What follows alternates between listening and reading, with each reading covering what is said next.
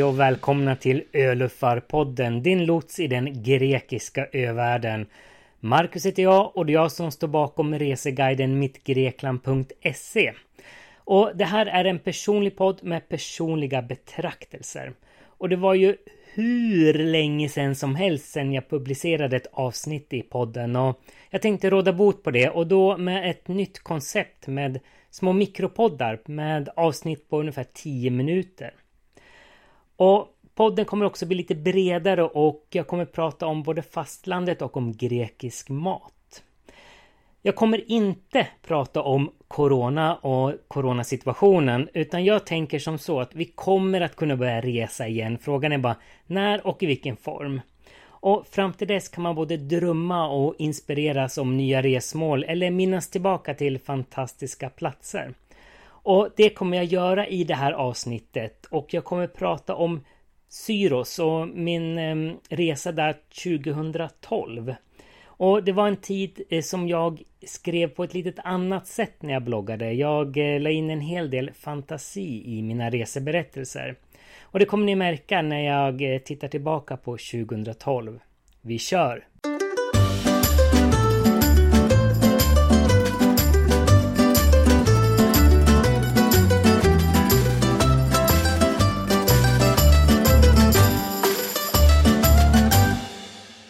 Syros är Kykladernas administrativa centrum och här bor nästan 22 000 invånare. Och nästan alla, eller i alla fall väldigt många färjor lägger till på Syros och eh, du kan ta dig hit både med båt från Pireus eller Rafina på fastlandet. Och tar du en stor färja från Pireus tar det ungefär 3 timmar och 45 minuter hit. När jag var på Syros 2012 så kom jag direkt från en annan ö, nämligen Andros, så att jag hade tagit vägen via Rafina då. När färjan i strålande solsken och dryga 25 grader lade an i Hermopolis kändes det riktigt skönt att kliva av direkt vid hamnpromenaden som kantas av en rad kaféer och barer. Och jag satte mig genast ner på ett kafé och beställde in kaffe och en bit chokladpaj och länge satt jag och lät den runda smaken leka prästens lilla kråka i munnen och betraktade nyfiket folkmyllret. Det märktes att jag nu är i Kykladernas största stad, även ögruppens provinsstad. Gatorna är marmorbelagda och arkitekturen har en karaktär eller en annan karaktär och grönsaksstånden kantar vägen upp till boendet som jag har bokat. Jag har varit här förut och hittade den rätta vägen direkt. Till och med de gamla farbröderna satt kvar på det lilla kaféet i den smala gränden. Precis som om de inte hade gjort något annat på tre år. Ja, staden Hermopolis grundades under frihetskriget av flyktingar från Psara och Chios och kom att växa till att bli Greklands mest betydelsefulla hamn under 1800-talet. Numera är det förstås Pireus som har den titeln men hamnen på Syros är livligt trafikerad av flera färjelinjer och det är enkelt att ta sig till och från ön. Flyktingarna som flydde hit under frihetskriget hade en katolsk men även en ortodox bakgrund vilket delade Hermopolis i två delar och det markeras tydligt med varsin kyrka på de två höjderna som staden består utav. Boendet som jag har bokat ligger centralt nedanför höjderna vilket är skönt för slitna muskler.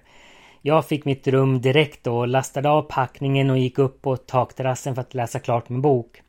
Och det har jag nu gjort och den enda mannen på jorden som sedan inte var den enda blev den enda igen. Ett mörkt slut som sitter kvar som en blodigel. Nu krävs det nog en Harlequin-roman för att se ljuset igen, eller ja, kanske inte förresten. Blodigen får istället tas bort med sol och strand imorgon. Och med märkbart tunga steg gick jag ner från takterrassen och väl nere vid mitt rum stoppade jag in nyckeln i låset och med ett litet knyck vred jag av nyckeln, eller snarare amputerade den utan varken bedövning eller narkos. Och kvar i handen stod jag med en liten stump. Och min första tanke var förstås kris! Men eh, den lilla stumpen gick dock att pilla in tillräckligt för att kunna låsa och låsa upp dörren. Och någon att ta hjälp av fanns inte att skåda och klockan halv nio hade fortfarande inte någon synts till. Eh, jag hoppas att en snäll liten grekisk tant skulle komma imorgon. En tant som inte ställer till ett grekiskt drama utan rycker lite på axlarna i sin svarta klänning, tar sig på huvudet, ler och med hela sitt fåriga ansikte bara säger att det ordnar sig.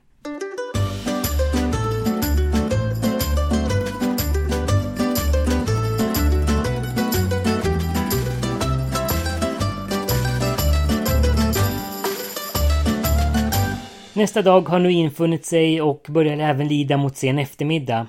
I morse när jag hörde det intensiva städandet i grannrummet tog jag mitt mod till fånga och stack försiktigt ut näsan genom dörren för att se om det möjligtvis var en liten harmlös tant att förklara nyckelproblemet för. Det var svårt att avgöra. Hon var visserligen väldigt liten där hon stod och mumsade på en gyros i alla morgonstund, men det sönderblonderade håret och den vassa näsan vittnade på något sätt om något annat än harmlöshet. Hon ojade sig lite men tog det lugnt och sa med lite fläsk mellan framtänderna att It's okay. Det efterföljande telefonsamtalet lät dock väldigt mycket mer och jag sjönk ner så djupt jag kunde i min stol på uteplatsen medan jag åt den nyinköpta frukosten. Klockan 12 skulle låsbytet ske och den nya nyckeln skulle ligga i receptionen. Och mycket riktigt gjorde den det och jag lade dit min lilla nyckelstump som en offergåva på den alltför höga receptionsdisken. Imorgon tänkte jag vandra igen, dock inte lika långt som sist när jag var på Andros. För efter den turen har jag liksom fått en extra häl. Jag känner mig rätt nöjd med det och vill inte få en till. Det är precis som om att det är min ofödda tvilling som tittar ut. Några tänder och lite hår. Undrar om man kan grekiska? Det vore till stor hjälp. Under förmiddagen gjorde jag och min tvilling en dryga två och en halv timmars vandring längs kustlinjen för att möjligtvis ta ett skönt dopp vid någon av de på kartan utmärkta stränderna. Det visade sig vara gjutna betongplattor med stegar ner i vattnet som kallades beach. Eftersom det blåste rätt kraftigt så avstod jag från att krossa min kropp mot betongen av de starka vågorna som säkerligen önskade livet ur mig. Och tillbaka i stan satte mig under skuggan av ett parasoll och lät mig stärkas av en iskall mytos och lite gyros. Jag hade ändå varit sugen på det ända sedan i morse när det viftade lockande mellan tantens tänder och retade mina kötsliga lustar.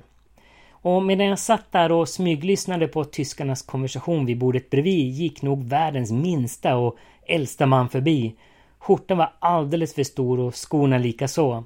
Det var som stora segelbåtar på den lilla, lilla kroppen. Om han hade velat hade han kunnat segla iväg över havet med sin stora vit och rödrandiga skjorta som segel.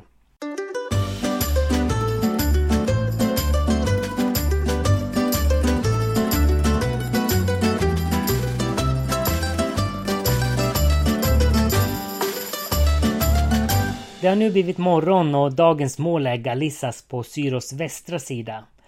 Men det tog mig en timme att reda ut om en buss transporterade sträckan och när den eventuella bussen skulle gå. Vad nu en timme egentligen är och har för betydelse förstås. Iväg kom jag och till Galissas kom jag också. På bussen satt jag bredvid en liten gumma, ja, alla damer verkar vara små här, som höll i en rosenbukett i olika färger. Hon kunde inte ett ord engelska men visade mig hela tiden på kartan som jag för övrigt lyckats riva i två delar var vi befann oss. När bussen stannade i Galissas viftade hon bort mig från sätet med orden Galissas, Galissas. Nu hade förstås solen gått i moln och det blåste ymnigt. Jag sökte mig till ett pinjeträd mitt på stranden. Och det visade sig vara ett sånt där riktigt tänkarträd vilket man kunde ligga och därför låg jag det en stund efter ett snabbt dopp i havet. Jag hängde upp badbyxor och handduk på tork i grenverket och lade mig på den breda och grova grenen som växte bort ifrån vattnet. Jag tänkte på tid och hur låst det är vid tider, när saker och ting ska göras och hur ur spel det sätts i detta land på något sätt. För när jag tänker efter så är det ju faktiskt så att även om det som var tänkt inte blir gjort så blir något annat gjort istället, som ofta är minst lika bra och troligtvis lika viktigt. Det gäller att uppskatta det som upplevs här och nu och inte det som eventuellt ska bli. Efter en stund nickade jag nästan till och ramlade ur trädet. Dags att äta något tänkte jag och gick till närmaste tavern och fick en god vit fisk i citronsås. Med mat i munnen hade jag genast glömt bort eh, tidens irrelevans och frågade när bussarna tillbaka till Ermopolis skulle gå. Och naturligtvis visste inte servitören det men kanske gick det varje halvtimme eller så gjorde det inte det. Han visste inte. Mm. Den där tiden igen. Jag försökte verkligen slappna av men började genast måla upp bilder om hur jag fick binda fast mig i trädet över natten och i storm försöka behålla livhanken till morgonen efter när bussarna skulle gå igen. Precis efter att jag hade betalt för maten och ätit upp den lilla yoghurtdesserten såg jag hur en buss snabbt tog kurvan förbi busshållplatsen och försvann i horisonten. Mm, trädet, det blir nog trädet tänkte jag men tvingade mig själv att gå med lugna steg till busshållplatsen, sätta mig ner på den slitna bänken och läsa min bok. Jag läste sida upp och sida ner men ingen ny buss kom. Och vissa behov började göra sig påminda, en liten kisskris kan man säga. Jag var bara helt tvungen att kasta vatten och med benen i kors hoppade jag 20 meter bort och hängde ut bland okända buskar och växter. Det rasslade och fräste i buskarna och risken var överhängande att delar av min kropp skulle bli till föda för besten som befann sig bland blad och grenar.